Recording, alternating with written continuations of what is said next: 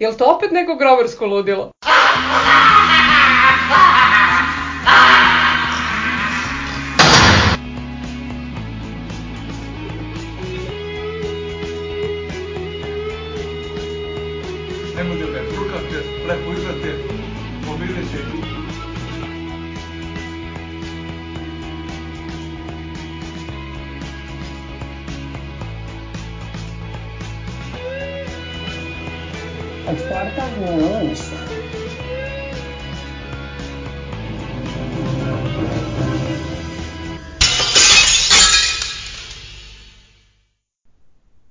Grobar je zdravo. Osmo semenkarenje po redu. Ja moram iskreno, znači bez patetike, da kažem da imam veliku čast i zadovoljstvo da večeras pozdravim jednog, što bi rekli, multitasking dečka, ovaj, a, muzičar, bivši košarkaš, menadžer u sportu, ugostiteljski menadžer, jedan od uh, najpoznatijih zemunaca posle Manceja i ovaj Željka Šašića, moj veliki prijatelj i Milenko Visto, koji sa mnom uh, ulozi ideja, ja sam Sarapa, Predrag Bojović Kuki, samostalni referenti. Kuki, pre svega dobroveče i hvala što si pristao da učestvuješ u ovom našem malom podcastu. A, dobro veče vama i hvala što ste me ugostili u prijatnom ambijentu vašeg studija. Kuki, kako si, brate? Si dobar? Evo, brate, na ovu vrućinu, ono, teško. Ali dobro, bit će bolje kad zaladi večeras, a? Pa dobro, sad da ti kažem. Ovaj, a, a, stvarno, ovaj, ono što sam rekao, mnogo mi je drago što si pristao ovaj, da gostuješ u ovoj epizodi. To znači da smo ostali bez, bez ikoga više koga bi mogli da zovemo. Kad smo tebe zvali. Jebi ga, to, to sam i ja pretpo, pretpostavio. Ispucali ste tamo pećinka, krstu, zvano krsma. A brate, ko je ostao, samo još ti. Pa, ja, samo još ja. E, ali moram, moram ja ovde da se, da se ubacim, ovaj, e, zaboravio si, Vili, jednu, jednu jako bitnu referencu kad si, ovaj, kad si predstavljao Kukija, a to je da je on, uh, verovatno, pretpostavljam, prvi i poslednji islanđanin koji će biti gost uh, Partizan Histerikala. Da, da, da, da, da. Dobro, to ćemo doći ovaj, u ovom delu koji ćeš ti da vodiš, a ja ću da slušam i klivom glavom. Ovaj, E, Kuki, e, s tobom, vrate, možemo verovatno da, da jedno peglamo jedno dva sata i da stvarno ne bude dosadno ni ovaj, slušalcima i slušateljkama, ovaj, a ni nama. E, stvarno ne znam odakle bi počeo, mislim, e, ne znam e, šta, šta je više po tebi, ono što više tebe predstavlja. Da li je to muzika, da li je to basket, između ostalog, mislim, u, u sklopu svega toga i partizan, ili ovaj, brate, nešto drugo je. Šta ti misliš?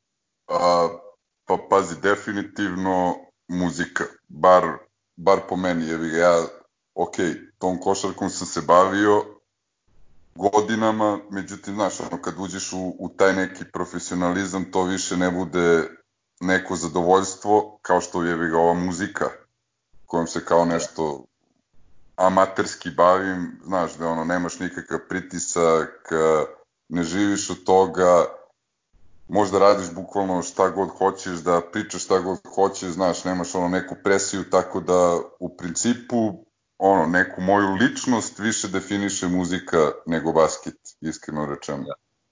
Ok, ba ne, mislim, sasvim u redu. Pa pretpostavio sam, pošto ovaj, basket, koliko si se bavio basketom, pošto se muzikom baviš, evo, više od 20 godina? Pa jebi ga, i basketom sam se bavio od nekih 20 ono, tamo od 9. do dobro, skoro 20 u stvari, 27. i 8. sam prestao da. da igram kao aktivno, ok, nastavio sam tu, ne znam, trenirao neku decu, u stvari ja sam ono ceo život faktički u košarci, ali opet kažem, ono, to mi je od tamo negde 15. 16. godine kad sam kao potpisao taj ono neki prvi stipendijski ugovor sa, sa Partizanom, znaš, ono, postoje posao, budeš plaćen za to što radiš i već tu kreneš ono lagano malo da gubiš taj neki, ajde da kažem, tu neku strast, jer ga ono konstantno imaš neki pritisak, neku, ono, na neki način si prisiljen da, da budeš na tim treninzima, znaš, da kroz muziku, jevi ga, mi ono, organizujemo probe kad hoćemo, možemo, sviramo ovaj, 15 puta godišnje ili 5 puta, ono, sve jedno nam je, tako da, kažem ti, znaš, ono, taj basket, ono, negde mi se, valjda, znaš, kad uđeš u, u to a, i vidiš košarku iz svih uglova, znaš, skapiraš da nije to baš tako kao što, ne znam, neki Ja, vidiš, to, to, to, mi je, to mi je zanimljivo, evo, ono, još jedno pitanje, pa ću te prepustiti Milenku, ono, mislim, nekako je normalno da krenemo od tog basketa i ovaj, pošto ti je od ranog detinjstva, pa ono, da, da vidimo celu tu, tu tvoju timeline, što bi se reklo, kako je to išlo i kako se to kretalo.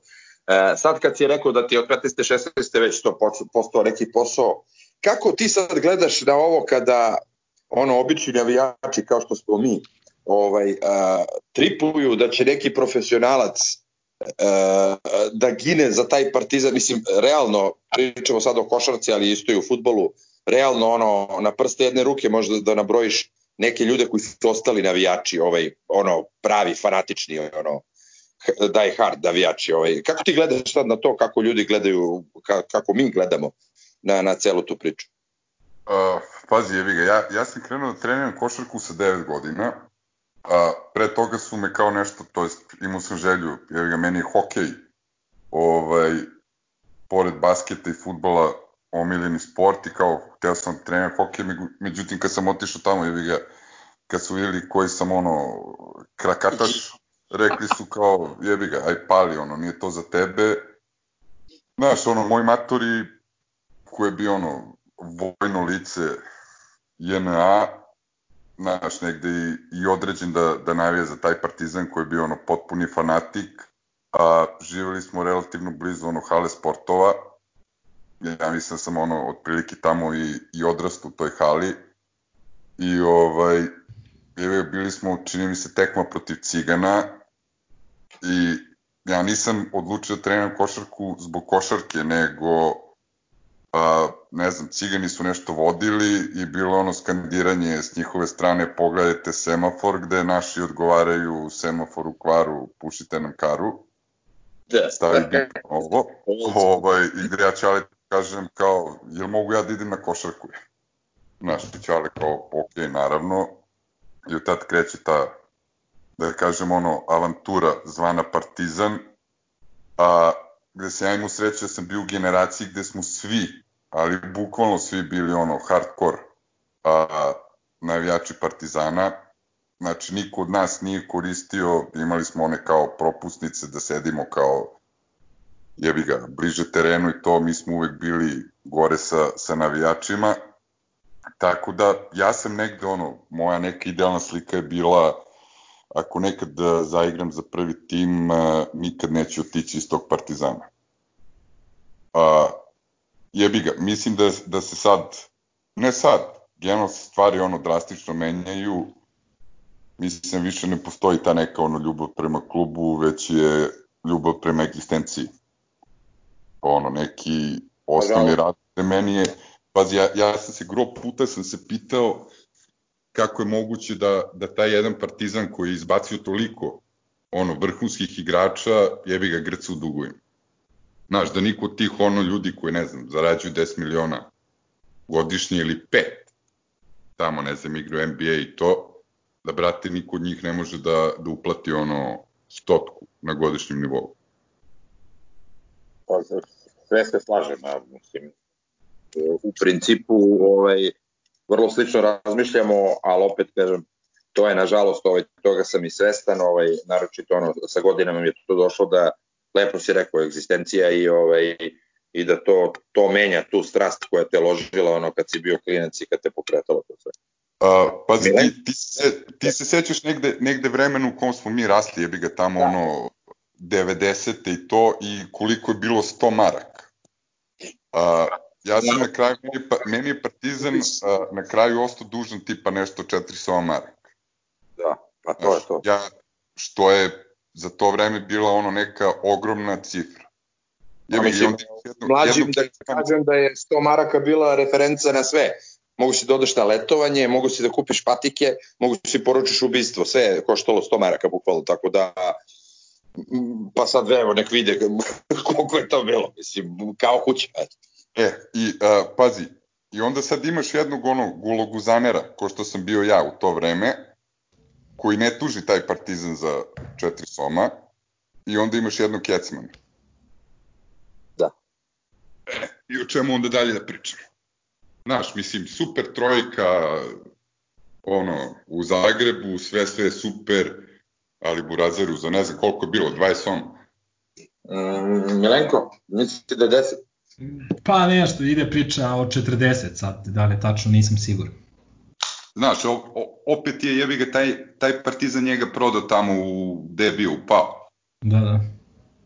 Znaš, mislim čovjek koji realno nije imao kvalitet za to. Postao je prvak, prvak Evrope sa Panathinaikosom. Koji mu je bio doprinos. Pa zli jezici kažu da čuva Nikolu Pekovića od noćnog života Atine. Tako da... ali, ali da, potpunosti se slažem, ali to je nešto što tebe ovaj, jasno razlikuje od odvaja od mnogih drugih igrača i bivših i nekih budućih. Ovaj ja mislim svi mi znamo ono manje ili više ovaj dosta tih nekih sportista i znamo kako oni razmišljaju jednostavno a znamo i tebe tako da ti si totalno atipičan što se tiče tog nekog ovaj te neke emocije, odnosa emocije i profesionalizma, ajde tako da se izrazim. A o tome ćemo doći, doći ćemo i kasnije ponovo do toga, ovaj, do priče o ženskom košarkaškom klubu, što je jedna posebna tema.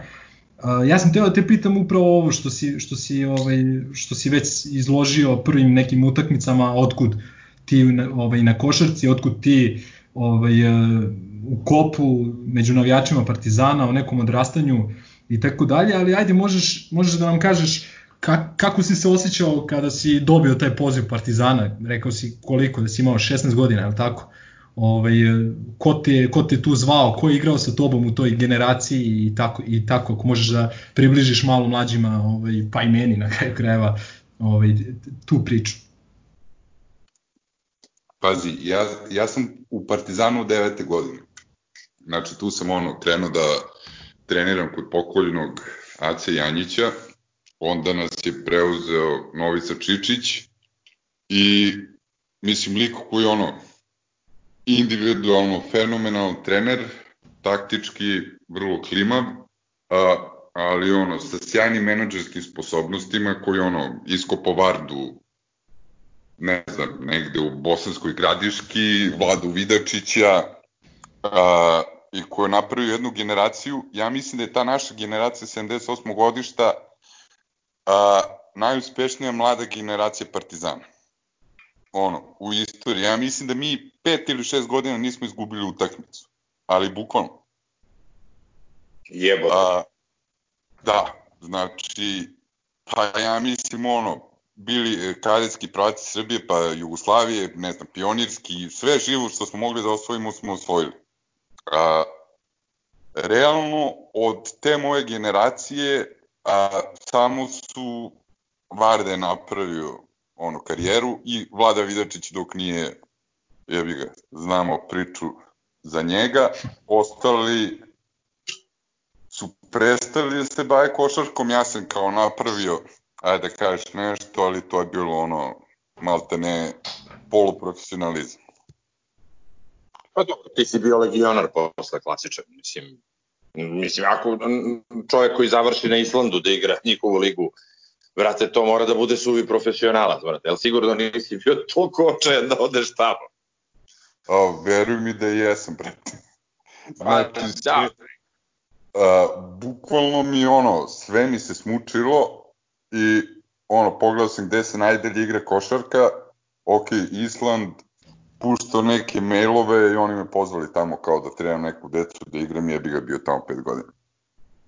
A, a, generalno, od te moje generacije, na primjer, malo je poznato da je Rakočević bio kod nas, ja mislim, neki šest meseci. Da. A, to verovatno u njegovom CV-u nigde ne piše, ali otprilike ono bio proteran od strane ono svojih tadašnjih sajta. A je li bio a, navijaš za Partizan ili za FMP? Pa ne, on je, on je ono, klasičan Gancije, bi ga i Ćale mu je ono. Dobro, A- okej, pa pošteno, mislim, bar se nije folirao. Ne, ne, to nije, znaš, došao kod nas, bio je ono pola sezone, ali mislim da je ono bio šikaniran, bukvalno. A, pazi, Da, da. mi smo to vreme i a, bili je bi ga nas šest, smo kao bili neki reprezentativci, znaš, Vlada Vidačić uzme a, veže Marka Jarića za onaj od radijatora što ide na cev gore i ovaj visi, brate, poplave, ono, dva sata bez ukavijača. Znaš, tako da to je bilo ono, ko što smo imali kao u kaznenu ekspediciju, jebi ga na jugu, tako je otprilike bilo to u, u toj generaciji naša. Naš, na, Da. naš šest u reprezentaciji, dok nas nisu ono, dok se nije pojavio gospodin iz železnika sa naočarima i odlučio da to ne može baš tako. A reci mi, reci mi za Acu Janjića, ovaj, pošto znam dosta, dosta, ovaj, dosta ljudi koje je on trenirao ovaj, i svi pominju taj neki njegov sadistički drill ovaj, na treninzima. Ovaj, jel, jesi možda ti to iskusio ili, ili su to neki onako više mitovi, legende? Pa ako, ako pričamo o tome da, da digneš loptu iznad glavi i da trčiš u krug, da, jesam, ono. Mislim, to je bukvalno, pa sad imaš 9 ili 10 godina i to radiš. Jevi u onom 20. oktobru na 45 stepeni leti, znaš, to je ono, padanje u nesvest, bacanje pegle, ali, znaš, Aca Janjić je ono, da kažem, bio začetnik, mislim, začetnik, ono, oblikovao mnoge dobre igrače. Da, da, sigurno. A reci mi, ovaj, s- tad negde kad si ti ovaj, već prelazio, da kažem, sa tog nekog juniorskog nivoa na seniorski, to, je- to su bile one sezone kada je Partizan okupio jednu jaku, onako, jaku ekipu generaciju, ovaj, na kraju krajeva 98. smo stigli do, i do ovaj, Final Fora, boga mi bili smo blizu, blizu toga i godinu dve ranije. Ovaj. Miće Berić recimo tvrdi da smo sad, ne, nisam siguran da li 96. ili 97. Ovaj, da smo po njegovom mišljenju tada bili bliži čak tome da osvojimo Euroligu, odnosno tada ovaj, kup šampiona, nego te 98. A, koliko si ti bio blizu tu prvog tima, kažem opet, ima, bila je tu ogromna konkurencija, da, da li da li si ti možda mogao nešto drugačije da, da uradiš ili, ili jednostavno nije, nije bilo prostora? Pa, Pazi, ja gomilu puta, kažem tako kad pričam sa ljudima iz košarke koji se sećaju te naše generacije, a, jebi ga da, je, da smo ono sazreli četiri godine kasnije, verovatno bi gro nas dobilo neku šansu u prvom timu. A, međutim, znaš, kako ja sad da igram tamo pored uh, Miće Berića ili, ili Lokije? Da, da. znaš, ili Čubrila u krajnjem ono slučaju koji tad jeste bio ono mlađi, ali opet bio ono stariji od mene dve godine, znaš, i gro nas su po, poslali na, po tim nekim pozajmicama sa kojim se nikad nismo vratili u Partizan. Znaš, ali to, to je bila ono strašna generacija a, Partizana, ja sam ono imao sreću da ih ono sve znam, trenirao sam sa njima a, i mogu ti reći da su mi svi oni, sem Miće Berića, ostali u ono sjajnom sećanju kao, ne znam, meni ono lončar, top 1 lik koji igra u Partizanu. To Miće Berić. To mi je baš zanimljivo s obzirom da je ovaj napravio neki potez ono ja kao košarkaški laik ovaj koji sam ono apsolutno pozdravio ono kad je otišao iz kluba brate zbog uh, onog pevanja ovaj uh, šta šta je sa Mićo Berić Mislim, jel bi Pa- pričao o tome, ako ne, sve jedno, ne, nećemo da... Je- Jednostavno, a, ovi neki drugi igra- igrači su imali mnogo, mnogo neki lepši i zdravi odnos prema nama klincima. Ajde, Aha. tako. Aha, dobro, dobro. Znaš, mislim, pazi, sva, svaka generacija prolazi kroz to da ono, kad te priključi tu negde uz prvi tim, da ti neko ono, jebi ga zuva loptu na, na vrh pionira, pa ti odeš, skupljaš ih i tako to, znaš, ali Ja, to A- da. ja lično Miću Berića nisam nešto baš ono mogu da smislim. A, dok opet kažem ti ono sa Lončarom sam imao i super neke priče. A, lik koji ono, ne znam, dođe, da mi njegove patike, vidi moje ono bušne. Znaš, tako da, kažem ti, Čekaj, čekaj, Lopta, kreće mi, kreće mi, kreće mi suza, počinješ kao Novak Đoković da zvuči. a jebi ga, brate, pa misli se, A, znam se, zezam se. Takva vremena bila. tako bilo, znaš, jebi ga, ni, nisi mogu ko sad ovi klinci jebi ga koji ono, šest pari patika promeni u toku sezone, imao si one jedne pa ih lepiš flasterom, pa lepiš malo Koje ti više patike? flasterom, Koje si pati? a brate, neke ono, naj, koje su se vrlo brzo raspadale. Znaš, Da. a, a to je uvijek bilo ono, znaš, kao sine, ja nisam ni imao kad sam ono, ne znam, nekoj ono, crnogorskoj čuki. Da, da. Reci nam, reci nam ovaj, nakon Partizana imao si jednu jako zanimljivu, zanimljivu karijeru, ono, geografski zanimljivu, ajde tako da kažem. Ovaj. Možeš da, nam, da nas provedeš to gde si sve bio, gde ti je, gde ti je bilo lepo, onako, u košarkaškom smislu, gde u nekom smislu ovaj, ž, samog života, ovaj, ako možeš da nas provedeš kroz, kroz tu svoju, da kažem, drugi deo svoje karijere.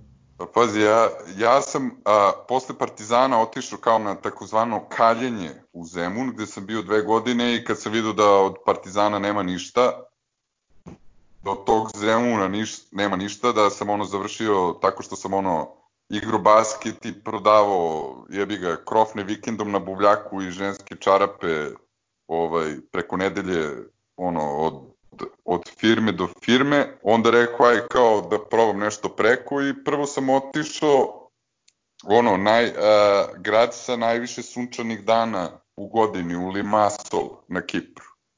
I tamo sam imao ovaj neslavnu a, epizodu gde me moj a, trener iz reprezentacije Mihajlo Pavićević kao bila neka priča dođi kod mene, dođi kod mene pošto ne znam u kom je on klubu tad bio, ja sam otišao u Limassol, trebalo se igra Evropa, Kiprani ono, klasični prevarajići, onda Pavićić kaže dođi kod mene, ja te znam, bit će sve super, međutim njega otpuste, otprilike a, na putu mom od Limassola do Nikozi, fazon, o, ja saznajem da je on otpušten ili je dao otkaz, i onda ja krećem ono malo da šljakam kao konobar, što je bilo... ovaj, pa mislim,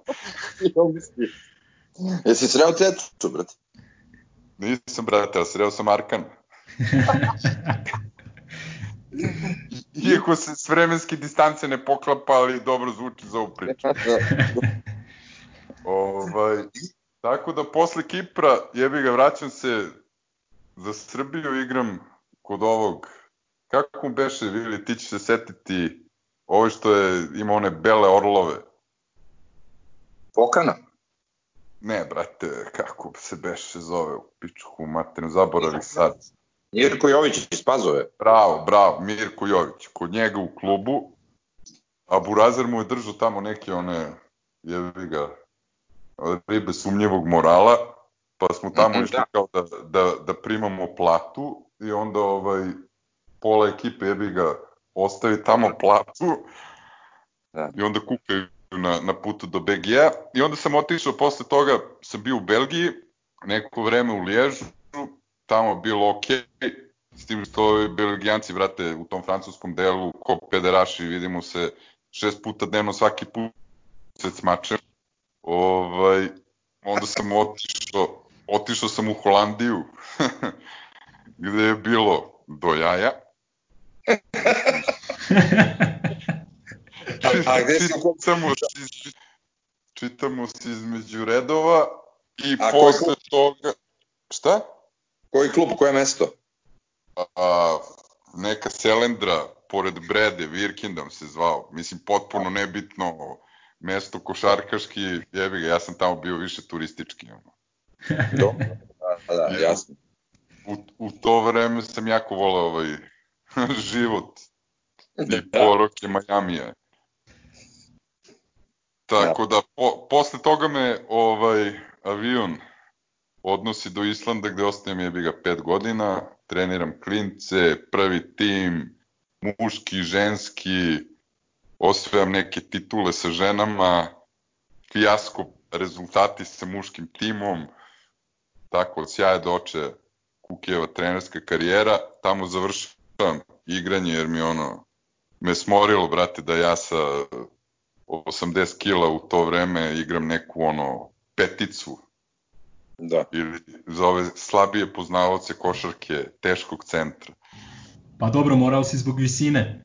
Ma da, brate, tako da ovaj, ja koji sam celo, celu karijeru igrao neku ono trojku, dvojku, znaš, gurno me tad kao na peticu, ja ono, aj ljudi, mislim da je bilo dovoljno ove zajebancije i tu sam prestao, ostao sam još neko vreme trenirao te klince, vratio se nazad za BG i tu sam otprilike ono prekinuo i, i sa basketom u tom nekom ono trenerskom, a i u košarkaškom, da kažem igračkom u stvari delu, tako da blistava karijera jednog kukija se neslavno završila.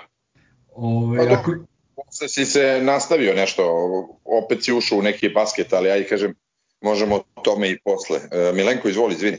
Ništa, ovaj, samo ako neko nije razumeo u moju upadicu, to je znači može Kuki da ovaj da približi eh, recimo reprezentacija Islanda na, na jednom evropskom prvenstvu nije, nije imala igrača od 2 metra. Tako da Kuki je verovatno bio tamo jedan od viših igrača, pa je zbog toga morao da, da ide na tu poziciju 5.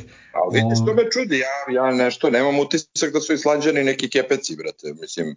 E pa nisu, ali a, je znaš šta? Na, Igraju Islandu- rukomet.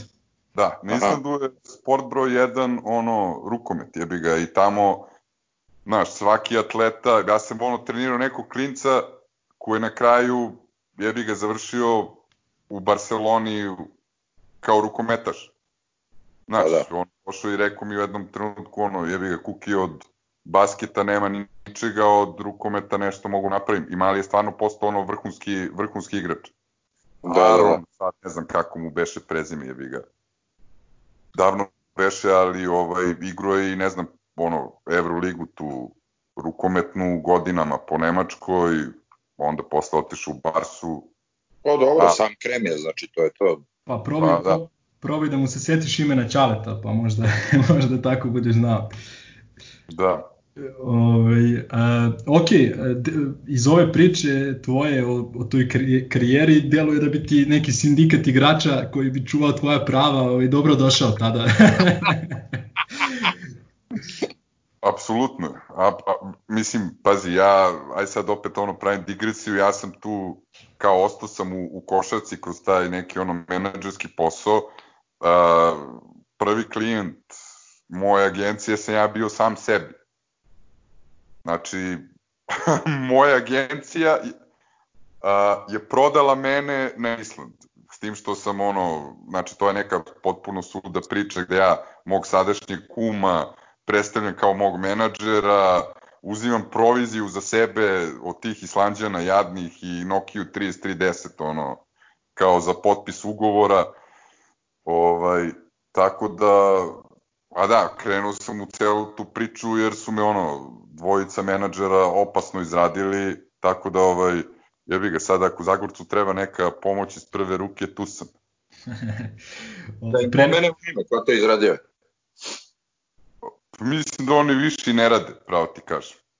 Dobro. Mislim da su, da su ono jako brzo i za, mislim da ih je Miško ono počistio sve ovde, tako da, znaš, to je bila ona neka druga liga menadžerska, ono, klasični prevarajići, znaš, kao ti ideš tamo, ne znam, za Soma i po, ja uzmem, pogledam ugovor, ja bi ga meni ugovoru piše četiri, gde je ostalih ono dva i po. Znaš, pa ništa, brate, ovaj brat uzima, tako da... Pa da. Da, da, jasno. Ok, ajde da se vratimo onda u 90. i ovaj, otkud ti u, mu- u svetu muzike i otkud eh, samostalni referenti, ako možeš o tome malo. Ne, znaš šta me najviše zanima? Otkud ska? Znaš, da, da, da, da, da. ska kao, kao muzika je popularna u Srbiji, ali ja, brate, nisam siguran da postoji 10 bendova koji, koji tresu ska. Znaš, kako ste Koji se našli? ili deset, brate, ne postoji dva. Pa dobro, ajde, ono, možda postoje neki za koje nismo čuli, da. Zato ste Da, vi najbolji ska bend u, u zemlji, ovaj, nego, nego, nego da, otkud to, ajde, pojasni nam malo. A, pazi, ja sam išao tamo u, u, u osnovnu školu Užička republika i a, od uvek sam želeo da, a, da budem član hora. Mislim, potpuno suludo zvuči, Što- ali što to si- mi je bilo ono neko. Samo mi reci, što si ti išao u Užičku republiku? Pa tamo sam odrastao u 61. A, ja sam mislio da si ti mu... Pa znaš zašto te onda Mića Berić nije gotivio? Zato što je odande. Pa moguće, brat. Eto, došli smo. Došli smo do tog zaključka. Elem, ovaj, u, u mom pokušaju da a, postanem član hora školskog, bivam izbačen gde mi ova kao kaže molim te napusti, ti ne znaš da pevaš, ti si uz konstantnu falšu, ovo ono. Ja kažem, ok, ja ću napraviti bend. I tu skupimo ono par nekih likova, napišemo neke pesme, međutim od tog ništa nije bilo i onda kad sam ono krenuo ovde u, u ekonomsku školu, tu poznam Refa koji je šatro svirao gitaru i nekog bubnja, bubnjara i kao krenemo nešto da sviramo što je ono bilo, mislim, katastrofa ozbiljna. Međutim, eto, ja sam mojim menadžerskim sposobnostima dovedem neke dobre muzičare u bend, jebi ga, tako krene malo neka ozbiljnija priča, mi smo prvo rokali ono, pankericu klasičnu, To, to, onda, to me... a, onda je 98. je došla Blue Killa, neke švabe, ska band u KST, ja treba da idem da, idem da gledam onaj Pink Flamingos je ovaj, Dobro, da. film koji je nešto bio kasno i s tom ribom s kojom sam bio u to vreme kao e, ajmo kao do KST-a ima neki koncert, brate kako me to puklo u glavu, ja zovem refa sledeći dan i kažem jebo punk brate, aj cepamo ska. I onda smo ono na prevaru doveli neke duvače. Eto, to me zanimalo, taj moment, ali prosto nevero, mislim, neverovatno, ali nešto je moralo da, se, da, da ga prelomi, znaš. Redko hoće da svira skada. Mislim, to, Ne, to, to, to je, pazi, imali smo mi neke kao ska momente, ono u smislu, ne znam, ide punk, punk, pa onda kao 15 sekundi, ajmo, unca, unca, i to je to, ali, znaš, ono, Ja znam, da- ali da- nemate, nemate saksofon, nemate trubu, jebi ga, jako je teško svirati to bez toga. Pa da, i onda smo tu, trubača smo doveli tako što, što smo otišli u, ne znam, čini mi se Stanković, recimo u muzičku školu, i kao, jel ima neko svira trubu, kao, ono, debili se javlja kao ja sviram, e, kao, ćeš budeš član benda, mi zvučimo kao Mano Negra, i on kao, u, Mano Negra može. I on kaže, kad je došao na probu, kaže, brate, kao, o kojoj Mano Negri vi pričate, šta je ovo?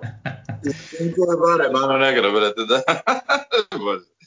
Znači, izložili smo ga, ono, najstraže, onda tu je, ono, kroz bend je prošlo, ja mislim, nekih 35 ljudi, ono, onda je on dovlačio neke, imali smo hornu, znači, koja Da, da. potpuno nema veze sa ska muzikom, niti sa rock and rollom uopšte, kao neka riba svira hornu, ajde da probamo kako to zvuči, tako da tu je, ono, prolazilo milijardu ljudi, ali recimo ova ekipa koja sad ono svira, tu su svi pa minimum deseta godina ono, to je da kažem neki najkraći radni staž u referentima. Ref i ja smo tu od početka, onda trubač, violinista, pa ovi ostali su se ono priključivali malo kasnije.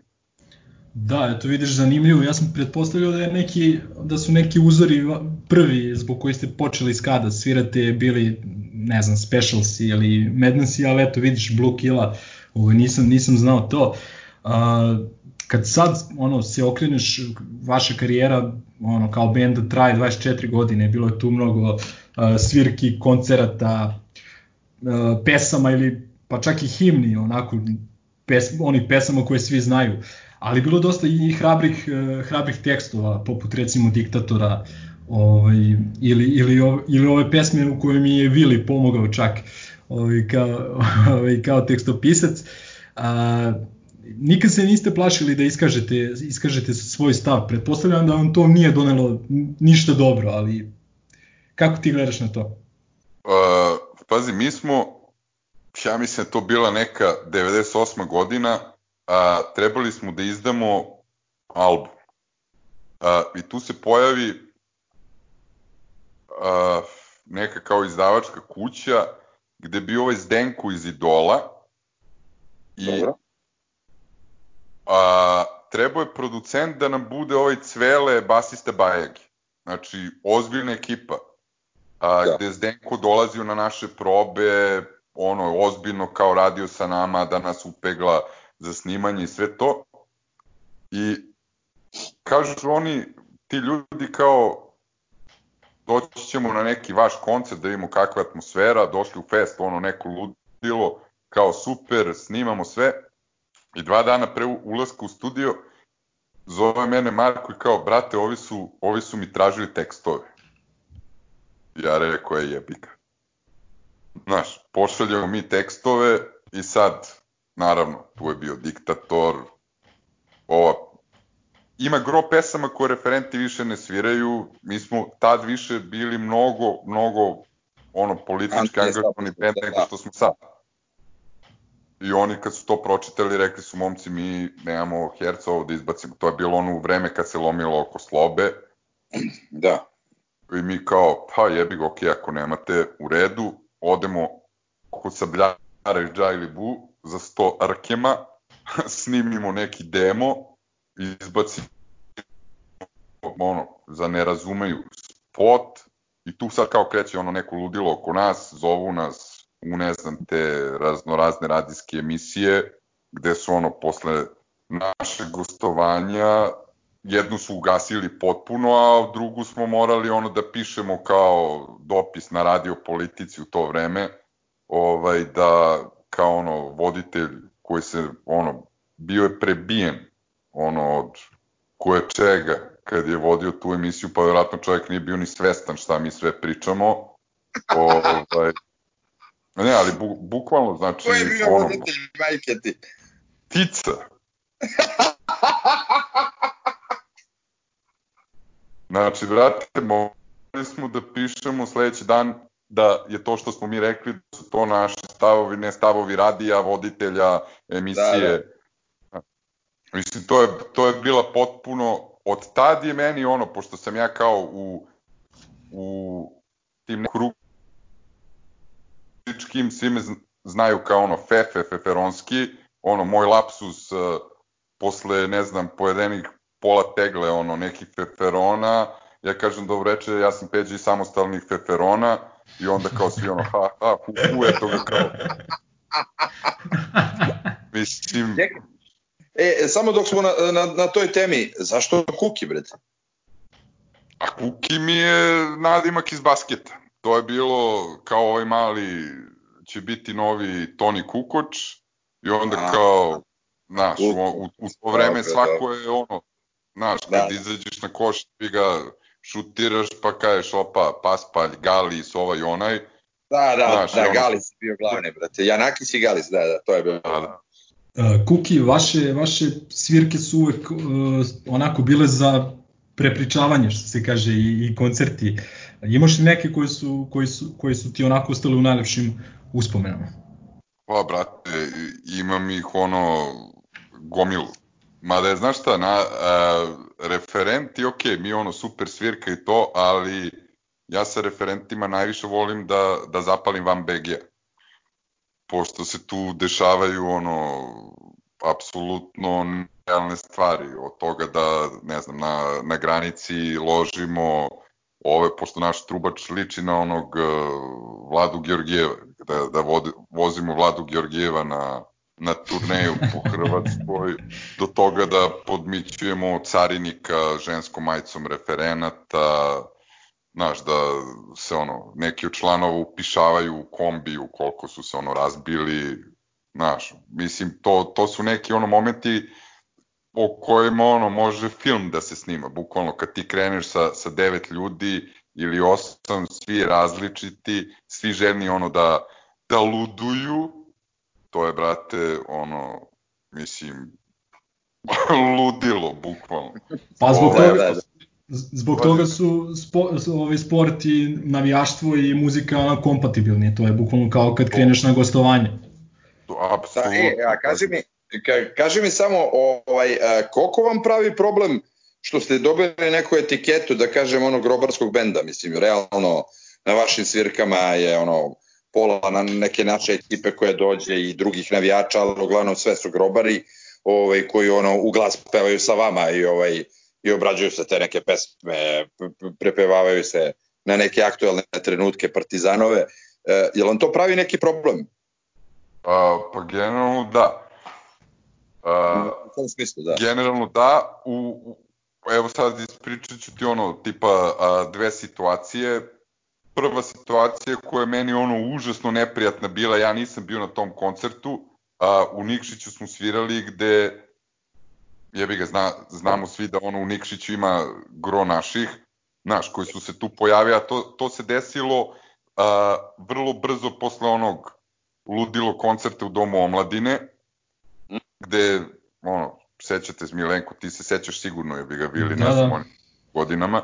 20 O- godina referenat. 20 godina, znaš, gde ja mislim da, da se na tom koncertu skupilo više grobara nego na nekoj običnoj tekmi ono na JNA fazu. Sigurno, Jeste. sigurno. I a, ubrzo posle toga mi sviramo u Nikšiću i naravno skupila se ono grobarija i tamo i kreće slična, slična ono priča, bubnjar daje ritam i posle toga vrate neki ono koji nisu grobari, nego ne znam, lokalni, ono šta je FAP mašine ili koje već, znaš, dolaze i ono, brate, hoćeš da te izbodemo fazom. Bubnjar. A, što po meni ono potpuno mi je suludo da se takve stvari dešavaju. A sa druge strane, gro ljudi koji su navijači zvezde su prestali da dolaze na, na referente jer smo ono kao etiketirani kao grobarski bend, iako ja referente nikad nisam ono, niti ću ikad doživeti kao bend koji ima veze sa, znaš, me, meni je grobarski bend grupa JNA, Ma Ili dobro, mi- naravno, ali... ili je Ali- ciganski bend i su direktori, kad imaš ono pesmu o zvezdi, ili pesmu o partizanu. ali nije da se baš trudiš da, da izbegneš to, pošto si redovno u grobarskim majicama na, na koncertu. A, Tako, tako da jebi ga. Ne, što se, što se toga tiče, pazi, moj, meni niko ne može zabrani moj lični stav i da nosi majicu koju hoću. Nisam ni mislio da ti zabrani, ne daj Bože, Ne, ne, brate. znam, ja nego, nego, a, a- kažem, ni, malo si ti doprinao samom estetikom na, na, na stage-u, do, do, doprinosiš tome da se zna ko si i, ovaj, i ovaj, koga podržavaš, razumeš, tako da, ali mislim, ne bi to. A- Dobro, ok, nije, nije A- bilo mnogo gorih situacija, ajde, mislim, dobro, to je prilično grozno da, da ovi pričaju da će ti izbodem i to, ali dobro, ja mislim da su to neki klinici debili. A ne, Pa, mislim, mislim, pazi, po- pretpostavljam i ja, znaš, ali kažem ti ono, me, meni je nekako suludo da, da dolazimo, čak i ako ja nosim ono a, grobarsku majicu na, na koncertu, brate, ne nosim i na stadion. Da, Znaš, da. i sad da neko dolazi tu, a, ne znam, lupa, meni se to nije desilo, a sada dolaze neki cigani da mi prete zašto nosim grobarsku majicu na koncertu, ono, to, to bi mi bilo ono potpuni debilizam. Pa dobro, Znaš, ti, ili da neko od naših starija uzme da sad... generacija, ne, ne doživljavaš sada navijenje, to je već prešlo u, u ono neke, neke ono, um, u sektaštvo, daš, ono, kako sada klinci, pričam baš klinci, do- doživljavaju ovaj navijenje, to je već postalo ono, mini armije i to, znači, pa ali ne, dobro. dobro, da Kad ne da. kad smo, Da. kad smo, kad smo kod muzike, konkretno i, i ovaj, navijanja za neki ovaj, futbolski klub, recimo imamo dosta takvih primjera na, ovaj, u engleskim punk bendovima, gde ne znam, ono, biznis valjda navijaju za West Ham ili većina njih, Last Resort za, za ovaj Millwall, ali oni dolaze jedni drugima na, na koncerte, ali kapiram da oni tamo, da njima ono, drago da vide da se neko ne folira, nego to si što si, razumeš? Ili, ili ne znam, Steve Harris ovaj, iz Iron Maidena koji nastupa redovno u West Hamovom dresu, tako da... Da, ili- da, da. Tako e, da... e, kad smo kod toga, kad smo kod toga, Milenko, izvini, imam e, jedno jako važno pitanje za Kukija, a to je Chelsea, brate. Kakve su tvoje veze sa Chelseaem? Ovaj, ti si onaj pravi old school grobar, e, evo da kažem ljudima koji ne znaju, imaš i tetoviran Chelsea grb. Ovaj, o čemu se radi? Ko voli Partizan, ko voli Chelsea. To je to, eto, Mir, Milenko, Da. Milenko je to rekao. A, u principu, da, jebi ga, mene je ta ono, mislim, zna, znaš ti sam ko, ko je konekcija, ono, jebi ga, Znam, da, Borota, znam. Jokan, Kežman posle, znaš, ja sam imao tu, tu neku sreću da odem u London i da imam sjajnog prijatelja koji je ono navijač, če- koji je ono naš tip, uh, Ali prvo Ali Borota, tamo- nemoj da zaboraviš. koga? Borota prvo. Ne, ne, je. sam, da, Borutu sam prvo, prvo, pazi, Borota je tamo, uh, on, legenda. Veruj mi da, ja mislim da ima jedno dvadesetak majici onih uh, Locijevih po Londonu koji nose ovi Čelzijevci sa Boratom. Znaš, Dobro. a, e sad, jebi ga, meni se, meni se oko Chelsea, znaš, prvo ono, Headhuntersi, ta neka Da. priča, znaš, imao sam i sreću da up- upoznam te ono matore, likove kojima je ono doživotno zabranjen uh, ulaz Stamford. na, na Stamford Bridge. Znaš, ali tamo je nekako potpuno drugačije dimenzije navijanja. Znaš, nije, a, tamo nema vođe. Sada, ne znam, kao ono, jedan tip stoji na šipci, ja i kao pevam ovo, ako ne pevaš, jebi ga, lupam ti šamare. Znaš, tamo bi jebi ga, de, ono, mi blejimo u pubu pre tekme, ja uzmem, krenem nešto da pevam, pri svi prihvataju, neki drugi random lik kreće, znaš, ono, tamo je sve na tom nekom ono nivou zebancije, znaš, mi kao ideš na Stamford Bridge, tekme u 5, mi smo u 11 u pubu, ne znam, u 1 sam u, u hotelskoj sobi fazom. Da, da, da. Znaš, Ne, ne, tako da, ali u, u principu da, to je neka ono veza Partizan ka Chelsea-u, to je neka ono, to je moja priča, čak ono, tu smo imali do, dosta nekih ok momaka koji su isto ono, navijači Partizana koji su tu ono blejali zajedno, čak su išli na gostovanja s ovim ima Chelsea Srbija zastava na Stamford Bridge-u stoji ono koje smo mi uradili, Tako da, u principu mogu ti reći da mi je, pošto ja sam a, prestao da idem na Partizan, Da. svega na futbal, upravo zbog tih stvari, posljednja tekma mi je bila a, ono sa Fenerbahčenom 2-2, što je bilo, gde Da, da. se neki klinci zaleću na mene kao, jer ne pevam pesmu.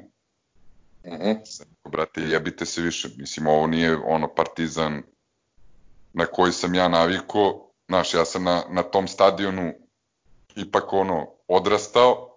Znaš, meni je prva tekma bila Partizan Roma 4-2, kad je goreo stadion. Znaš, a I meni prva. I meni prva, brate, tekma je ona, ovaj, e, evropska. a meni je to pr, prva tekma na jugu sa Ćaletom, znači koliko sam imao tad. To je bila koja beše, 88. 9. To je 88. Ja sam imao 12 godina, eto. 13. Da. meni je to, to mi je bila prva tekma na jugu, znaš, i sad onda da se kao tu neki klinci zaleću na mene, jevi ga, koji se nisu ni rodili tad, malo mi je ono, bez veze, da ne pričam o svim ovim podelama, znaš, kao je, malo, ovi su jedni na istoku, zapad, ovo, ono, jebi ga, ja partizan, a, i to neko grobarstvo i navijanje znam na jugu. I to je to. A te neke situacije koje su se dešavale tamo nisu mi jednostavno prijale i iskreno ti kažem sad mi je ono mnogo draže da odem na, na taj jebeni Chelsea ovaj znaš ono opušteniji sam brate. Ma, kapiram da. da. ali to te, to te ne sprečava da, da gledaš redovno i futbolski i košarkaški klub Partizan i da čak i sa ovog me, ovaj, menadžerskog eh, profila na, na Instagramu da kačiš, kačiš ovaj, stvari grobarske kad, kad, pobedimo, kad pobedimo cigane. Pa mislim, znaš šta, ja Partizana nikad ne mogu da se odreknem. Znaš, to je, mislim, jebi ga, svima nama je to prva ljubav. Ja kad se rodio Ćale, prvu stvar koju uradio, zalepio ono Partizanov grb u, u krevetac. Znaš, tako da tih nekih stvari, ono, moj Ćale govori uvijek ja kad se ono poseče, meni teče ono crno-belo odatle. Znaš, ja vučem isto to je moja ljubav pre, prema Partizanu je a, mislim prvo ta nervoza i, i, i to neko ja imam toliku želju da odem a opet me toliko neke stvari vuku unazad da ne odem. Nazad E, ovo, mi je, ovo mi je sjajno što pričaš, ovaj, e, naročito zbog mlađih ovih grobara koji nas slušaju, ovaj, e, čisto e, da, da im dočaraš šta to znači e, kad je to bilo, ajde, mislim, sad ono, pričamo, ono, baljezgemo ko oni matorci sa balkona u Muppet Show, ali stvarno šta je nekad bilo, ovaj, a kako je to sad postala neka industrija, ne, da kažem tako, ono, da, da, ga, da ga ublažim. Ove, evo, kako to pričaš, sve tačno znam i ono, ide mi ono niz kičmu, ono, jeza, bukvalno, ovaj, zato što sve te razumem, mislim. E, naročito ovo celo naše društvo, mi smo, mi smo, mislim, generalno svi likovi koji ono 24 časa pričaju o Partizanu ili o nekim drugim glupostima, ali se uvek vrati nešto na Partizan, tako da, ovaj, da, tako da mi je sve jasno. Znaš, mislim, meni mala ka, čerkica kad se rodila, ono, sutradan je bila učlanjena u, u Partizan. Pa da. Znaš, ono, prva, prva stvar koju sam je kupio je bilo nešto Partizanovo. Znaš, vo, vodio sam je sa, ne znam, nepunih godinu dana na ono što, što su organizovali na Dorčulu, jebi ga. Da, znaš, da. Mm -hmm. Što, ne, nemam ja tu sad kao, ne znam, meni, uh, bolji mi je Kimi zabranjeni, Jug, ovo ono. Meni je svako ko navija za Partizan drag. I najviše me pole te, te podele i ta sranja koje su se dešavala, mislim ono, da ne ulazim u to, jebi ga da ne uvredim da. nekog ili... Kuci, mi smo matorci koji, koji nisu u toj priči ono od, od davno, ovaj, tako da cela ta priča e, realno boli, ovaj, ali jebi ga, to je tako kako je, pa ćemo da vidimo, možda će nekad da, da, da bude opet kao, kao pre, sad šta da radimo. Znači, glupo pa, mislim, mi, a... mi ja ne, ne komentarišemo ni navijače, ni sve to, jer nismo deo tog sveta, šta mi sad da pričamo o tome? Ne, Jednostavno... apsolutno se slažem, znači, to, to Milenko što kaže kao jevi ga, ja kačim sa, sa mog uh, ono, profila, znaš, ja nikad to i ko što smo krenuli da pričamo o moje grobarska majica, znaš, a, a, da. Nebojša Čović ja radim u toj kao ono ženskoj košarci, a zastupam devojku koja je igrala u Zvezdi, koja je ono došao i rekao je ne može tebi a njegove reči grobar sa šipke da bude menadžer. Kakav dijabola je. Znaš, mislim, a ja, a, možda je loše za posao, ali brate, ja ne mogu da, da sakrim ono što jesam. Ma naravno. To je to. Ne, ne, niti želim. Pa ne, ne da Bože, to ne bi bio ti. Znaš, što, što bi se folirao on, oko toga, tako da... Ove, ne, mi tebe, mi tebe toliko i volimo baš zbog toga što, što se ne foliraš, a koliko voliš Partizan dokazao si, sad čini mi se da je 2017. godina, kad si, yes. kad si, uš, kad si ušao u ŽKK, ja mislim u formi sportskog direktora, sad ćeš me te ispraviti ako nisam u pravu. Da, ispravit ću te, jebi ga, meni su nudili tamo ne, neke funkcije, ja zvanično nisam bio ništa u tom a, ŽKK-u, a veliku zahvalnost stvarno moram ovaj, da imam prema mojoj tadašnjoj supruzi, koja se odrekla ono svoje neke internacionalne karijere, velikih ugovora da, da bismo kao došli u taj Partizan da, da probamo nešto da napravimo. Međutim, proklet je Partizan. Ovaj, znaš, ovde ljudi izgleda da li se previše plaše, ne žele, znaš, meni ono u lice reč, rečeno, ono, previše nas eksponiraš.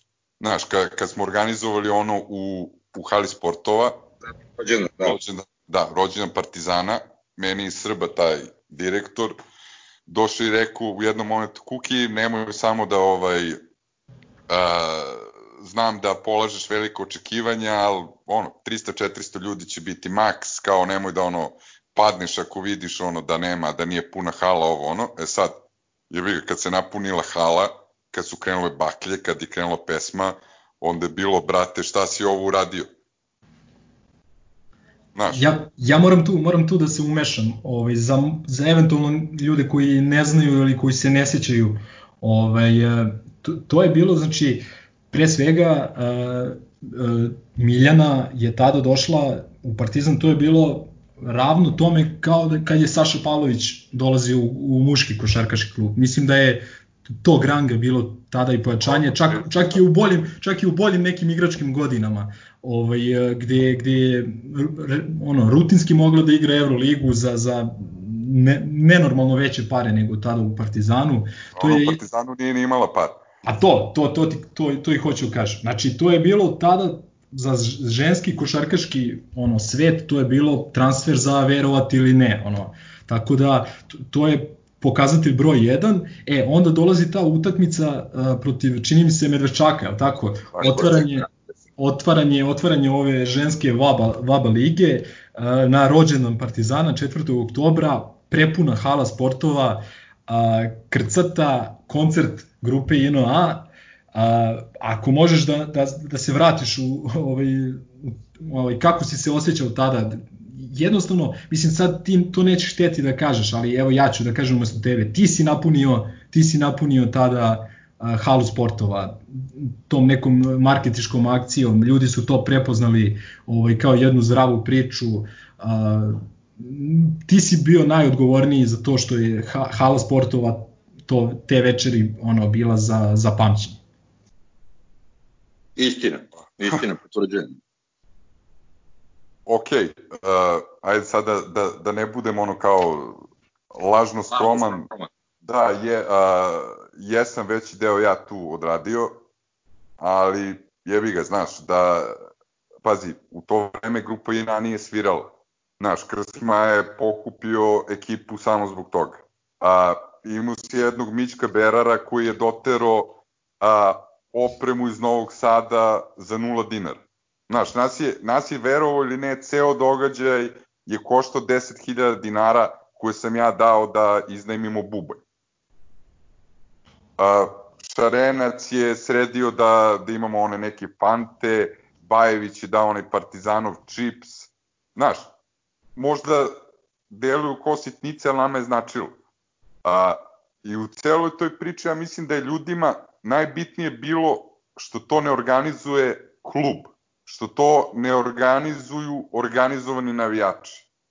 A, mislim da je neko to prepoznao kao neku ono čistu priču, e, kao, ajmo tamo da vidimo šta se de, dešava, bit će grum. Da se ne lažemo, niko nije došao u gleda ženski basket. Došli su, a, jer Partizan slavi rođendan je svira grupa JNA da nije bilo oni sitni... I, izvini, ali nemoj da zaboraviš, to je hala sportova. To je nešto stvarno naše. Mislim, meni je hala sportova partizan. Apsolutno, pazi, meni je hala sportova i, i dan danas ono partizanov hram. Da. Tako da, mislim, meni je to, to veče mi je bilo, pa jebi ga, ja mislim u, u, unazad da ne idem previše unazad ili unazad nekih deseta godina, jedno od na, najjačih ono grobarskih ludila, koje je bilo potpuno spontano. Znaš, tu nije bilo ne organizovanih navijača. Pojavili se ti momci sa fontane, neki su došli, ali nisi imao neko ko vodi navijanje. Jer ti, ja sam tad posle ne znam koliko godina čuo da neko peva ja volim Partizan, ja volim Chelsea. I ničim izazvani kreću da pevaju Zeko Lopove. da, to, to, to. Revival kad krene, onaj grobarski. potpuni, potpuni, znači, meni je to bilo ono, i kažem yes, ti da nismo, to je malo drugačije bilo zamišljeno da nismo imali incident sa mikrofonom, jebi ga, sve bi to ono trajalo i duže i bilo bolje i duže bi svirala grupa JNA, ali jebi ga, ispalo kako ispalo, znaš, ono, malo je teško da jedan čovek izvuče sve to da ono, deluje savršeno, ja sam posle toga, verujem i dva dana, ono, bio u komi otprilike. E, to, to, ve, to već je svakako ono bilo za pamćenje i mislim da ono, svi se naježimo ono, kad se setimo toga. Čak je i ovaj, na sajtu FIBE ovaj, izašla, izašla vest o toj utakmici, ne znam da li se sećaš, da li se sećaš toga, evo sad imamo ovde pred sobom, napisao je članak izvesni gospodin Nielsen, Paul Nielsen tako je. I uh, naslov je uh, Veoma posebna ljubav hrani ponovno rađanje ŽKK Partizan. I onda dole piše uh, ljubav pobeđuje sve, ali kada postoji dodatna strast koja teče kroz vene, onda po, počnete da shvatati da se nešto magično dešava u ŽKK Partizan. Reč je o čuvenom sportskom imenu iz Beograda koje se takmičilo u ženskom Evrokupu 2011. 12. i 13. godine pre nego što je zapalo u velike finansijske probleme. Onda hvali tebe i Miljanu, rečima ovaj moćni tandem daje sve od sebe kako bi se klub vratio na staze uspeha. Njihova ljubav prema ženskoj košarci i prema Partizanu je snaga na koju treba računati, iako je recimo skroman budžet samo jedan od mnogobrojnih prepreka na tom putu. Ovaj, tako da eto, to, to veće je, veće je ovaj, to već je dospelo i na, na naslovnicu na sajtu FIBA, a verovatno su ove igračice Medveščaka, verovatno im je to bilo prvi jedini put da će igrati pred tolikim brojem ljudi, ali možeš da nam kažeš kakva je bila njihova reakcija na, na, to, ovaj, na to veče, ipak ovaj, ok, sve, sve, to, sve to lepo, ali ipak su oni iz Zagreba i to, kako su dočekani, kako su one, ovaj, kako su one ovaj, do, doživele i proživele to veče? Pa, pazi, ja, ja sam sa tim trenerom jako dobar. Uh, trenerom u to vreme Medvešćaka koji je bio i ono neki selektor hrvatske reprezentacije čovjek ko, koji, mi je, koji mi je rekao ja sam uh, imao problem da njih smirim. Oni nikad u životu nisu a, videle više od 100 ljudi na ženskoj košarci. A ovde pričamo o ljudima, ono, bakljada, grmi muzika, oni nisu znali gde su. Znaš, mi smo nešto i otvorili utakmicu, ono, poveli smo opasno, pa su s ovim našima odsekle noge na, na toj tekmi. Znaš, ali one su bile i po, posle dve godine ja uzmem da zastupam neku devojčicu koja se ispostavi da je igrala tad u Medvešćaku i koja mi kaže jebote Kuki, mi nismo mogli da verujemo šta se ono dešava. Znaš, one su i očekivali neko i vređanje i sve to, međutim ono, te mi smo to veče bili gospoda. Pa Znaš, baš, ni, da, ni, ni, nije bilo vređanja, nije bilo da nešto uletelo na teren, da se one prozivaju da ovo da Ma kak? Znaš, one su se vratile pune utisaka, čak su i hrvatske novine pisale o tome. Znaš, posle su naši to prenosili, ono, kako već ide. Meni je samo žao, na primer, a, i to je prokledstvo tog Partizana. Mi smo u, u Partizanu ostali a, do decembra. A, jer klub nije bio, ja sam a, pre tog a, ono famoznog 4. oktobra i, to, i tog ludila organizovao da odemo a, na turnir u Košice međunarodni turnir na kom Partizan nije bio ne znam od kada. Ono, sve je plaćeno, super, upoznajemo neke Mađare a, koji hoće da ulože lovu u Partizan, ali u ženski klub, ali traže da si oni pitaju nešto. Naravno, toga ničeg nije bilo. A, ja nalazim tri ili četiri sponzora, treba da se ljudima kaže, ok, za tu lovu dobiješ, ne znam, reklamu, dobiješ na dresu ovo ono, klub to ne prepoznaje. Znaš, nisu ljudi želi da upadnu u oči bilo kome, a mi posle te utakmice prelazimo u malu vizuru koja prima a, 26 ljudi i igra se u terminima u kojima niko ne, neće da dođe, ono, ma, ni rodbin. Znaš, i ceo taj ono koncept koji je kao bio osmišljen ono, jako brzo pada u vodu, ostaje bio Instagram, ostaje bio Twitter, ono, drkanje Kuki, cigana. A, a samo mi kaži, a šta su hteli ljudi u ŽKK? Da se ne zamere. Da taj, taj Srba, šta je, šta je taj hteo? E, konkretno, da, da vodi klub i da, šta? Znaš, ko, koja je vizija, šta? Pa nema vizije. Nema vizije. I to je, to je tužna priča. Znaš, nema vizije, a, ono, meni je okej okay da ja budem u klubu, da primam neku platu, a, da se tu ovaj, nešto, ok, Partizan je te godine uzeo kup, ali daleko od toga šta smo mogli da napravimo. Znaš, ja sam imao projekciju vraćanja Partizana u FIBA kup za tri godine. Ali nekome to izgleda ne odgovara. A, a pokušavam da uđem u mozak a, tih apaščika što, što, što bleje šta, šta je poenta, ko, ko si, brate, zašto bistuješ u, u nekom klubu kada ne želiš ništa s tim klubom? Šta želiš? Šta? Ha, že, želiš da, da budeš tu do penzije, da se da, penzionišeš. I da to se ne to. zameriš i tako. Da se ne zameri, pa pazi, mi igramo protiv, protiv Cigana, Partizan je pre toga izgubio 17 utakmica za redu. Igramo kod njih u, u onom FMP-u, a ispred njega riba ulazi metar u teren, izvodi loptu, sudija stoji pored, sudija ne svira ništa, ono, direktor kluba se ne buni. Da se ne bi zamerio Nebojš. Ma da. O čemu Znaš, pričamo? I Ivanki, Mati sviraju ono, tri nepostojeća faula u napadu, Miljanu izbacuju isto iz utakmice. Znaš, niko da se pobuni, ništa. Ja posle ulećem u teren, jebem ma, majku, ono, svima živimo, oni me gledaju, ono, bledo. Ne, sad, ne. Aj, molim te, nemoj to, znači iznervirat će se, o, brate, semenkaranje opušteno, da, da, da, da, ono, da, da se smejemo, da, da čujemo malo te, znači stvarno mi se digne pritisak, ovaj, ono, na, na takve neke priče da ono, otišao bi, detonirao bi se ko palestinac, brate, tamo. Mislim, ali ne, znaš šta, to, a, to, ti je, to ti je, brate, ono, a, partizan. Znaš, Znam, u, znam, u, u ovom trenutku, koji traje već neko duže vreme, jebi ga Partizan, očigledno treba da bude u senci. Mislim, i s- svi smo toga svesni. To jesmo, tu O, ne. ti, ona titula koju je Ćelavi uzeo, ono je najznačajnija titula u poslednjih 30 godina.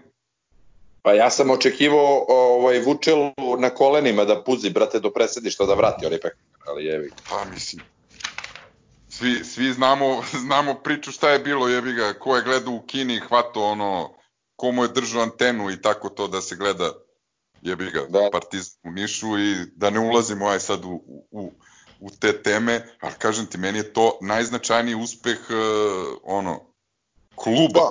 celog Da, da. u poslednjih ono, 30 godina, uzimajući u obzir ono, sve šta se Da. okolo dešavalo.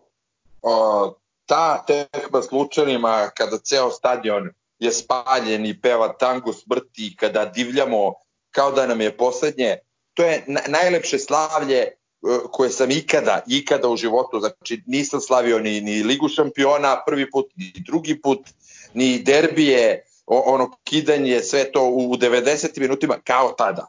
To je jednostavno bilo ono Da. emotivno sam se ispraznio, brate, kao ono da, da, da grom kad se istrese, ono, razumije, tako, tako E, ali ta, ta, tad, tad si o, o- osetio da si, brate, ono, pobedio nekog ko misli da je nepobediv. Meni je to, meni je to bio taj osjećaj. Jeste, ba mislim, svi znamo i, i kakav je bio osjećaj i zašto je bio takav osjećaj, tako da to ništa nije sporno. Ovaj, kaži mi, o, a, kako ti ide ugostiteljska ka- karijera, gnjido ugostiteljska? A ne znam, brate, izgleda smo, izgleda smo previše proživali ovog što je, što je bio u Zvezdi, kako mu beše ime? Goran Vesić, pa su nas zatvorili na jednu, dve nedelje. Stvarno, au jebe. A da, jebi. Ali nema veze, to je ono, naš gušt, zajebancija, od toga se ne živi, tako da, ono, nek traje dok traje. A reci mi kako menadžerski posao? Kak, kako je raditi sa ženama? Ja znam da ovaj, dosta, dosta trenera ovaj, košarkaških koji su rekli ono, samo mi ne, ono, daj mi 12 muškaraca bilo kakvih, ja sa ženskom slačionicom ne znam da funkcionišem jer se uvek naprave tu neki klanovi. Ovaj, kako je raditi sa ženama i kako je raditi u ženskoj košarci?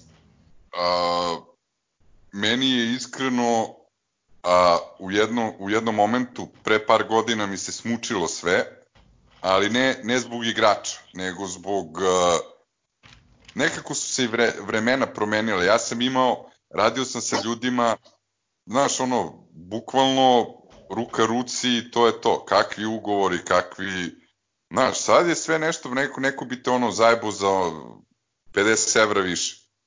A, međutim, u posljednje dve, tri godine sam opet našao tu neku radost. Ovaj, jer sam potpuno ono presekao agenciju u smislu krenuo sam da radim samo sa klinkama. Pokupio sam ono devojčice 17, 18, 19 godina i krenuo sam od njih da pravim ono profesionalce. Znaš, a, da uče šta znači trenirati preko leta, ulagati u sebe, Znaš, i onda vidiš njih, jevi kako prave neke, to jest kako kreću da prave neke karijere. Imam neku klinku Slovakinju sa kojom radimo od njene 17. godine, koja je u ovom trenutku pa verovatno top 3 playmakera. Ne, ne zbog mene, ali verovatno tu ima možda i 5% nekog mog rada, jer ono, usmerena je kako treba. Znaš, svi ti, sad Milenko ti ja, ajde da kažemo, pričamo malo ono, iz stručnijeg dela košarke, a, košarka se pretvorila u igranje utakmica. Da. I više, više nemaš i u oporavak. Ti u toku sezone nemaš kada radiš. E sad, onda imaš reprezentacije, ovo, oni kad igraš za napredu. Znaš, a taj neki rad leti individualni na ono košarkaški, fizički, da kažemo ono ta fizička sprema, to je ono a, najbitniji deo košarke. Jeste, ja sam baš u, ovaj, u prethodnoj epizodi ovog našeg podcasta pričao baš o tome, da sada ovaj, profesionalni košarkaši odigraju i po duplo više utakmica nego što su igrali košarkaši tamo tokom 80. godina. I ovaj, ja. ima, ima dosta više putovanja, jednostavno telo traži neki oporavak i to mnogi mnogi ne shvataju i mnogi onako preteruju u kritikama. Zato mi je ono zato sam i teo te pitam ovaj da kakve kako je ono sa devojkama da pretpostavljam da su one jako ambiciozne da da vole da da jedva čekaju to leto da da treniraju. A, veruj mi da su one veći profesionalci nego muškarci. Što se tog dela tiče, a, nju ne moraš da teraš da ide na trening. A, meni a, je prošle godine devojka iz Slovenije bila ovde tri nedelje, spremala se, pošto evropskog. one spremaju, a, ne, ne, za sezonu, posle evropskog je ostala Aha. i spremala se ovde za sezonu. Spremaju se na stadionu Partizana, tamo kod Bobija, mog trenera, tamo su teretani i sala, trčanje, ovaj, i veruj mi, mala je posle toga došla i rekla ja nikad u životu nisam bila spremnija. Mislim, to je, a, a sa ženama, ako im pokažeš da nešto što radite ima smisla, a, one ti veru, veruje ti stopostotno, ta Slovakinja o kojoj sam pričao, a, mi smo je doveli tu bile nedelju dana sad ti za nedelju dana ne možeš puno da napreduješ. I sad pitaju me ovi treneri šta da radimo sa njom. Ja kažem, probajte da... Iz Košice. Iz Košice, dobro. I ja im kažem, probajte da, da je slomite da vidimo gde su i granice. Ovo je posle nedelju dana dolazimo da pričamo, on kaže, brate, ovo, ovu ne možeš da slomiš. Znači, mi šta god da smo dali, ona je odradila. Nije zaplakala, nije ono kukala, ovo ili ono. A ja, se, ja sam igru košarku, jebi ga na nekom kao profesionalnom nivou. Sećam se, brate, hvatali smo krivinu, svaki put kad treba se trči, ti ga šmugneš u šumuju. pa jest, Znaš, jest. na onom stadionu Partizana trčimo u krug, jebi ga, ja se sakrijem u onu rupu od one prepone za stiplo čezi. Znaš, Sla, slažem Slažem se, ovaj, i ja sam imao te momente, a ovaj, pošto ima dosta, dosta devojaka koje, koje nas slušaju, ovaj, verovo ti ili ne, ovaj, zato sam ušao u tu malu digresiju, ovaj, kako se zove, znaš i sam, pričali smo x puta i ja imam dosta tih drugarica koje se bave ozbiljnom, ozbiljnom profesionalnom košarkom i znam koliko su posvećene i koliko, koliko se trude, ovaj, i znam na kraju krajeva kolika je, kolika je tu konkurencija uh, na nekom uh, evroligaškom nivou. Ovaj, a, ništa da, da pozdravimo i ovim putem i Miljanu, da pozdravimo i legendarnu Ivanku Matić koja je te sezone u kojoj si pričao donela, mislim, maltene sama kup Partizanu tamo u Banji Koviljači, čini mi se. Tako je, da. Ovaj, ovaj, baš protiv, protiv ovaj, Vesninog, Vesninog projekta. U kako je Vesna tad plakala. Da, da, da.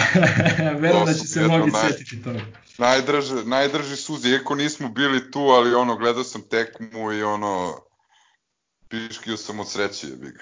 Pa da, to je bila ekipa koju si manje više tri ono projektovao i sastavio, tako da... A ni, e, pazi, sastavio je Srba, ja sam se više tu bavio nekim drugim stvarima, kažem ti, opet, ono, ja sam tu imao neke drugačije želje, bio sam ono iz fazona, čak i da ja ono gurnem svoju kintu da pred kraj sezone dovedemo neke dve Amerikanke, uzmemo titulu lagano i da se ovo sve smemo ovom u facu. Ali ono što smatram ono svojim najvećim uspehom te sezone je da je prvi, a i poslednji put u istoriji ženskog kluba ovaj Nebojšin železnika pisao saopštenje vezano za ženski klub. Eto, vidiš. Kuki, Ako- kaži mi ovaj, ovaj, šta, šta imate u planu dalje ovaj, kao referenti? Hoćete da snimate nešto skoro? Pa evo Ili- snimamo, brate, snimamo par nekih pesama, ali kako je krenula ova korona, znaš, Mhm. tu smo nešto stali, trebalo se svira nešto od tih festivala, ali jebi ga, nema niče, ništa od toga. Tako da u principu, brate, životarimo. Koji svi... Pa dobro, koji svi, brate, ovo je, mislim, ono, treba ostati zdrav u glavi, majke mi, ovo, Pa da. cela, ova- cela ova situacija je samo privid nečega, da, da počnemo od sporta i od ono što gledamo Partizan na TV-u, mislim. Ma ne, ono, brate, ovo da, ovo je sport, sport bez publike mi je potpuno ono, ne, ono, abnormalne scene. brate. Milenko, nego da, da pitam ja tebe, jebi ga, ti znaš te ono, tračeve, a je li istina da, da Mića Berić i Lončar nisu pričali neko vreme zbog jami?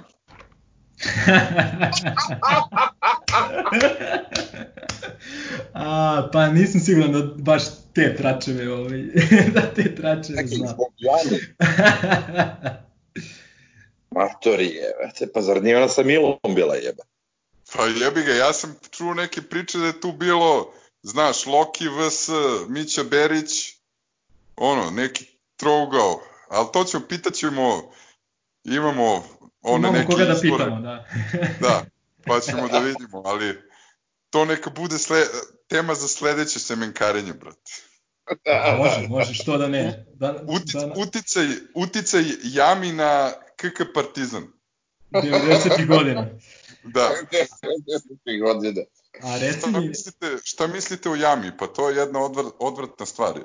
To, to se seća ko, ko da je juče bilo nekog penzusa kad su ga pitali šta misli o jami. Jel te ovo jami, a on se prebacio na... Vlada mislio će ga pokopavaju.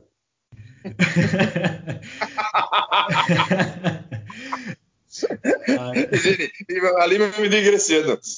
Znaš, ono, kad je 90-ih u politici bila ona rubrika među nama, gde ono, uglavnom dokoni, ono, penzioneri šalju pisma, daš.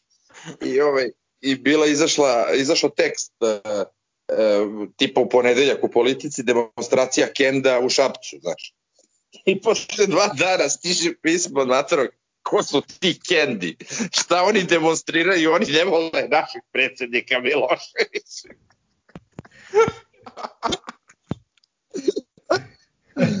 Srbija među šljivama. A je jebi ga, brate, to smo što smo. Brate, to, bre.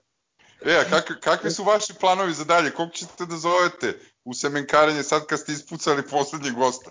pa digao si lesvicu, boga mi, boga mi si digao lesvicu. Ovaj, pazi, ja, Da, da, da. da. ono, ono što smo rekli, ovaj, što je Vili rekao ovaj, kada ti je predstavljao, znači bivši košarkaš Partizana, a, frontman jednog od, pa mogu reći najpopularnijih domaćih bendova, ovaj, a da, da je Jole alternativna neka, neka priča, Islanđanin, znači o čemu pričamo.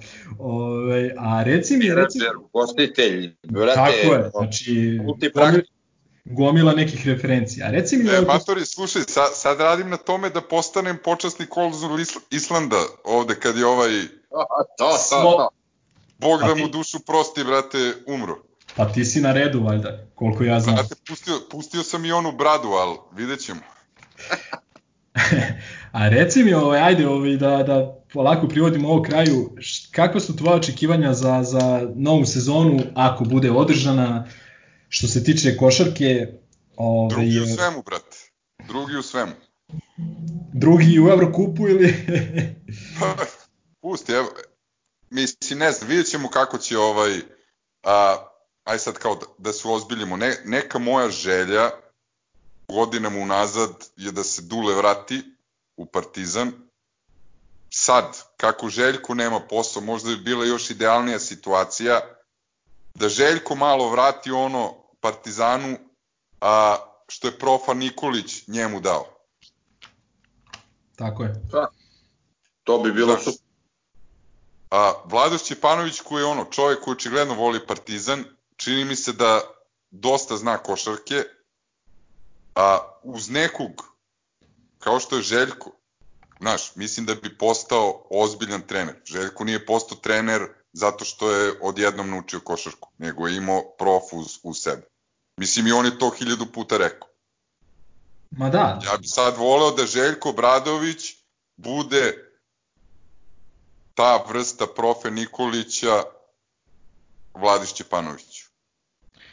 Pa, ovaj, ako dozvoliš meni mišljenje, ja mislim da Željko i dalje planira da, da se bavi tim head coachingom i mislim da on ganja tu desetu titulu Euroligije. Uh, jebi ga, naš, nije on ni toliko star kad pogledaš. Ne, ne, ne, a, Znaš, ja, on ja ne ima- govorim, nek, nek, nek se Željko vrati da bude head coach za godinu dana, ko što je rekao da uzima godinu dana off. Ali Da, nek da, da. bude uz Partizan tih godinu dana. Ma da, poenta je da što više ljudi koji iskreno vole Partizan, a mogu da pomognu, da pomognu. To je, to je neka poen- poenta.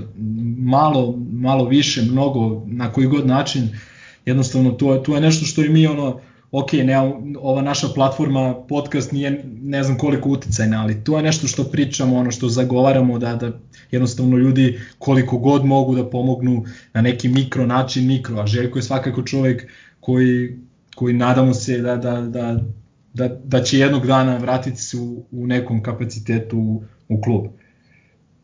E, A- još samo par pitanja, Kuki, ovaj, si da slušao nekad? Ono, iskreno.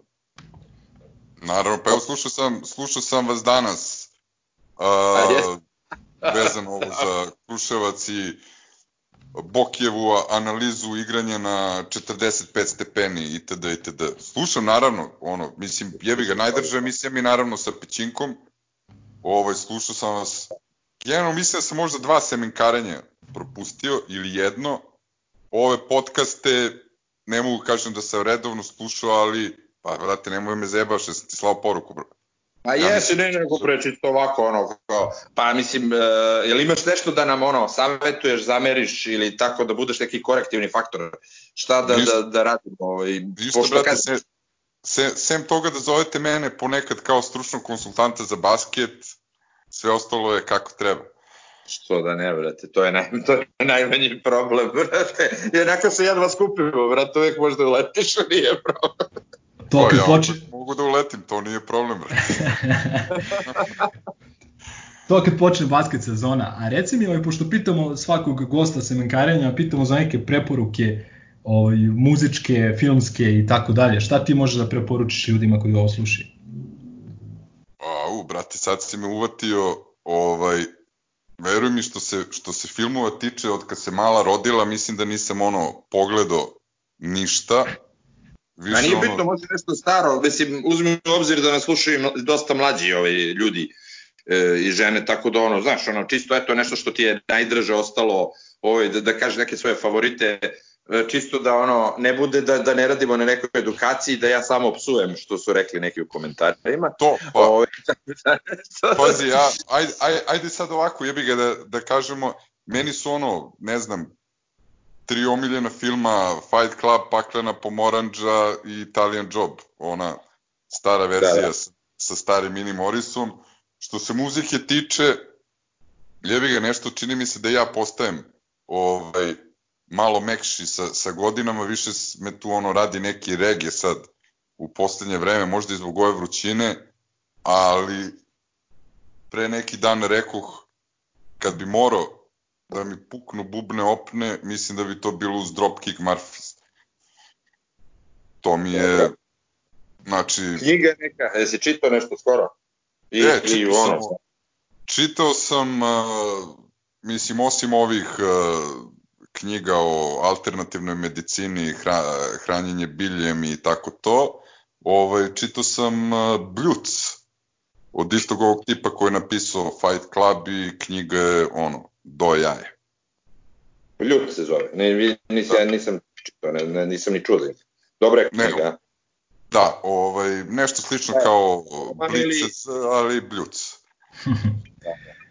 Imam kuki, imam kuki ja za, za tebe jedan ovaj predlog kad si već ovaj u regiju, ovaj Laxley, Laxley Castel. Znači, veruj mi, nećeš se pokajati, dva odlična albuma, nažalost, uh, umro je sa 23 godine i nije ostavio neki značajniji trag, ali eto, ovaj, ja, pos, poslaću, ti, poslaću ti posle album, mislim da će ti se svideti. pošalje, brate, to mi je sad i onako ono, veruj mi, muzika mi zveči po, po ceo dan, TV ne palim, pošto nema šta ni da se vidi, osim ove psiho, psihoze oko korone, do duše drago mi je bilo kad sam vidio da se ono vratila premier liga, sad jebi ga po ovim našim oranicama, gledao sam i ovaj nas protiv napretka, ono mi je bilo blagi užas. Mislim, ono, tek pričamo o, o kvalitetu futbala, znaš, A, sad, sve, sve se... znaš, Ok, nema- uzima, aj kao da uzmeš to ono, 40 stepeni na polju, izašao si iz priprema, znaš, ali jebi ga nešto, ja očekujem malo bolje od ovog našeg partizana, iskreno. Svi očekujemo, brate, i, i valjda će biti, valjda će doći sve na svoje. Samo krene ta Evropa, znaš. Pa, ove, onda je mnogo lakše, znaš. Mnogo se i više i igrači napale, i publika i sve, ovaj, publika, mislim, navijači. Tako da, eto, šta ja znam, vidjet ćemo. O, Vidjet ću, ovaj, daj Bože, meni se jako svi, svidelo kako je Sava igro, jebi ga, ovo, igrali smo ono, baš dobar futbal, ali kažem ti, ova prva tekma mi je bilo potpuno neko sivilo. A to, to sam ja rekao, mislim, daleko od toga da ovaj, nema, nema podršku, ali malo počeo da, da mi provlači neke sumnje, samo zbog nekih nerezonskih ovaj, izmena, ali aj sad da ne pričamo o tome, nije ni bitno, ovaj, pričamo o tebi. Ovaj, pa ništa, šta, šta da ti kažem, uh, sem srećan ti rođendan. Hvala, brate moj, drago mi je da si se setio. ovaj, ako imaš nešto da poručiš ono, za, za kraj našim slušalcima, ovaj, evo izvoli, imaš uh, 10 sekundi. Imam, brate, ko, ko je ovaj, ko sluša ovo sat i po i ostaje do kraja, brate, taj nije normalan. Pa dobro, to, to uglavnom uh, ko navija za Partizan i loži se na taj isti ono kao da, da ga prati, taj stvarno nije normalno. Tako da Pa, ove, Slušati, slušati ovih sat i po je jednaki ma, mazohizam kao i gledati sat i po partizane. Kuki, da ti se zahvalim u ime celog histerikala, ovaj, odličan je stvarno ovaj podcast, stvarno ovaj, koga ne presluša, propustit će nešto ovaj, da čuje i zanimljivo i pametno, ovaj, što me čudi, ali eto, bio si pametan danas. Ovaj, Uh, hvala ti puno, eto, prati nas, a mi te zovemo ovaj, da uskačeš ono kao leteća, pošto nisi uspeo na hokej da odeš, moći ćeš u Kao podcast. izmena, to. Da, da, to, to. Evo, brate, ko, koliko, koliko ležim ovde, bulja mi se oznaja. Aj, odo da, odo da se plaknem, pozdravljamo sve iskrene navijače Partizana. Hvala ti, Kuki. Ovaj, grobar i zdravo, šta da vam kažemo, o, slušamo se e, do dok ne uvotimo nekog sledećeg za semenkarenje. Ovaj, na vezi smo. O, Miću Beriću, se- brate, Miću Beriću zovi. Neće, da, da, da. Perite ruke, čuvajte se 5G mreže i to je to. Grobar i zdravo. Zdravo.